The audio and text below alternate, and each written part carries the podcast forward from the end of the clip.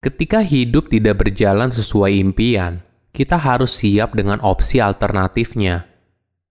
Halo semuanya, nama saya Michael. Selamat datang di channel saya, Sikutu Buku. Kali ini saya akan bahas buku Option B karya Sheryl Sandberg dan Adam Grant. Sebelum kita mulai, buat kalian yang mau support channel ini agar terus berkarya, caranya gampang banget. Kalian cukup klik subscribe dan nyalakan loncengnya Dukungan kalian membantu banget supaya kita bisa rutin posting dan bersama-sama belajar di channel ini. Buku ini membahas kadang dalam hidup apa yang kita inginkan tidak sesuai dengan kenyataan, dan kita harus belajar beradaptasi dengan opsi yang lain. Setelah kematian suaminya yang tiba-tiba, Cheryl merasa kalau dia dan anak-anaknya tidak akan pernah merasakan kebahagiaan sejati lagi. Saat itu, dia merasa ada kekosongan yang besar dalam hatinya hingga hal ini menghambat dia untuk berpikir bahkan bernafas. Bersama psikolog dari Wharton School yaitu Adam Grant, Cheryl belajar untuk pulih dan bangkit dari pengalaman hidup yang pahit.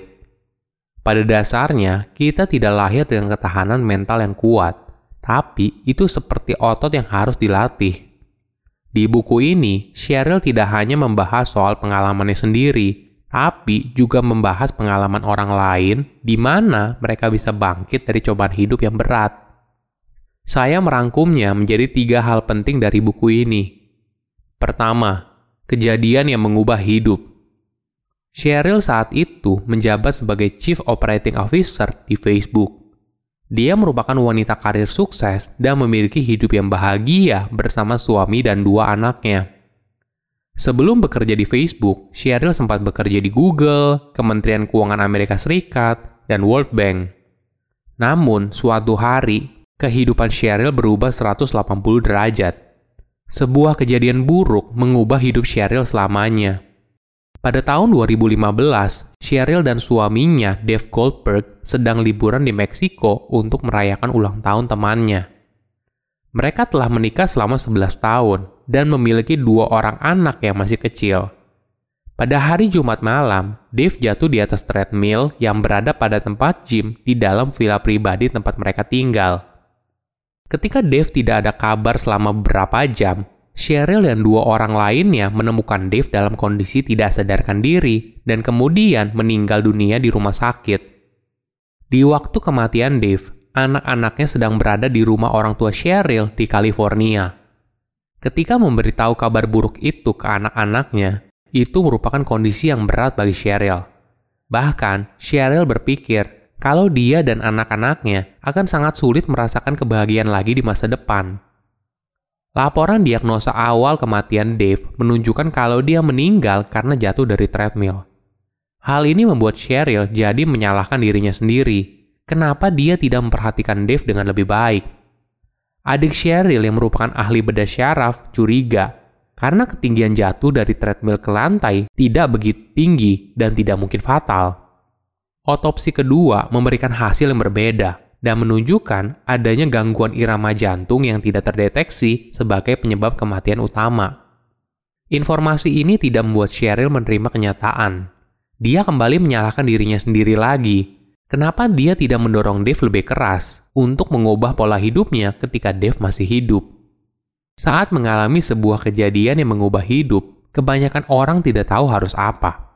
Hidup mereka sepertinya dibagi dalam dua fase, sebelum kejadian dan setelah kejadian.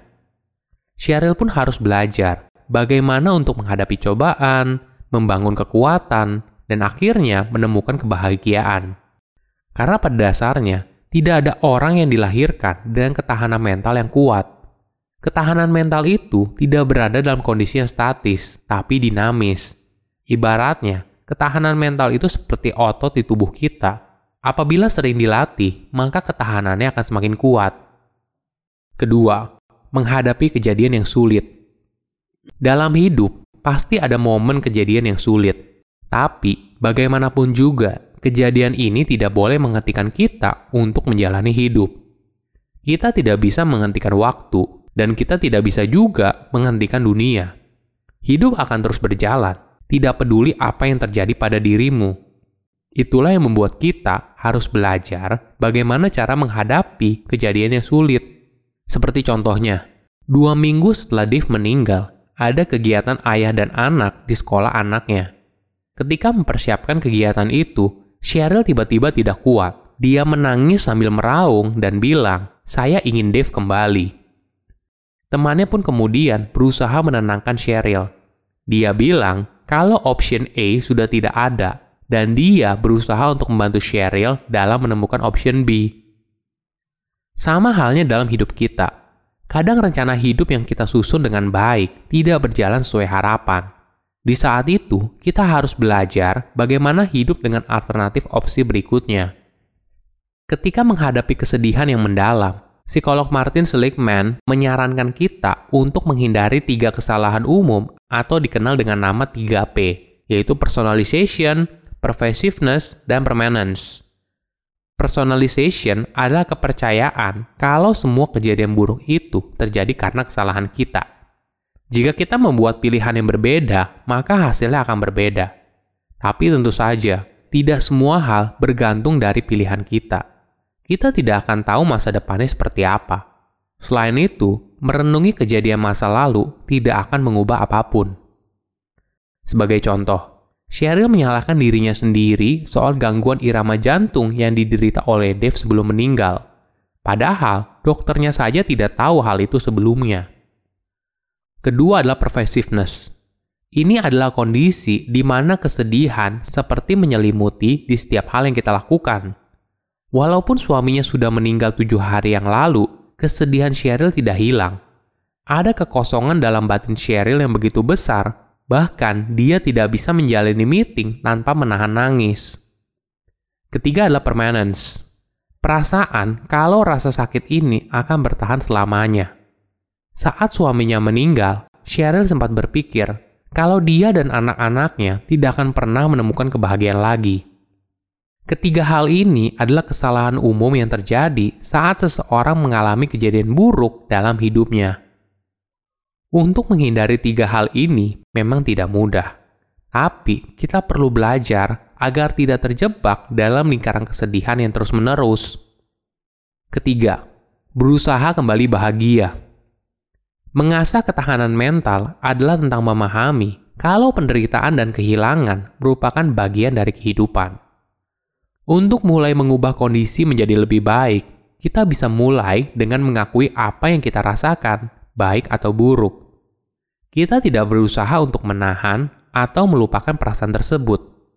Apabila sudah, maka kita bisa mulai dengan latihan bersyukur. Setiap malam, Cheryl menuliskan tiga kejadian bahagia sederhana yang terjadi di hari itu. Misalnya, sampai di kantor tepat waktu, bisa menyelesaikan cucian yang menumpuk, atau berhasil membuat kopi yang enak. Mungkin ini kelihatannya sepele, tapi dengan mengakui kejadian bahagia ini, kita akan belajar. Walaupun kita dalam kondisi bersedih, tapi kita masih mampu untuk merasakan kebahagiaan. Ini yang terkadang dilupakan. Ketika sedang bersedih, mereka cenderung merasa bersalah ketika mereka merasakan kebahagiaan. Mereka juga merasa malu apabila mereka merasakan kejadian bahagia. Bagaimana jika bukan kamu yang mengalami kejadian sulit, tapi orang lain? Kita suka berasumsi kalau orang yang sedang bersedih perlu diberikan waktu sendirian. Bahkan, jika sudah mulai beraktivitas kembali, kita tidak akan berusaha mengangkat topik soal kejadian sulit tersebut. Ternyata hal ini tidak baik. Sebagai contoh, setelah suaminya meninggal dan Cheryl pergi ke rumah temannya untuk makan malam, mereka tidak berbicara sekalipun soal kematian suaminya. Ini bukan kejadian yang langka Orang lain tidak ingin membahas topik itu karena takut membuat Cheryl menjadi sedih. Walaupun niatnya baik, tapi perilaku mereka itu membuat Cheryl merasa kalau mereka tidak mengakui apa yang Cheryl rasakan. Sebaliknya, sebagai teman, kita bisa menawarkan diri untuk selalu bisa dihubungi ketika teman kita butuh apa pun. Itu adalah cara membantu teman kita melewati masa sulitnya. Hidup yang dijalani tidak selamanya mulus. Ketika ada kejadian sulit, kita harus siap pada opsi alternatifnya dan membangun kekuatan untuk bangkit. Silahkan komen di kolom komentar pelajaran apa yang kalian dapat ketika baca buku ini. Selain itu, komen juga mau buku apa lagi yang saya review di video berikutnya. Saya undur diri, jangan lupa subscribe channel YouTube Sikutu Buku. Bye-bye.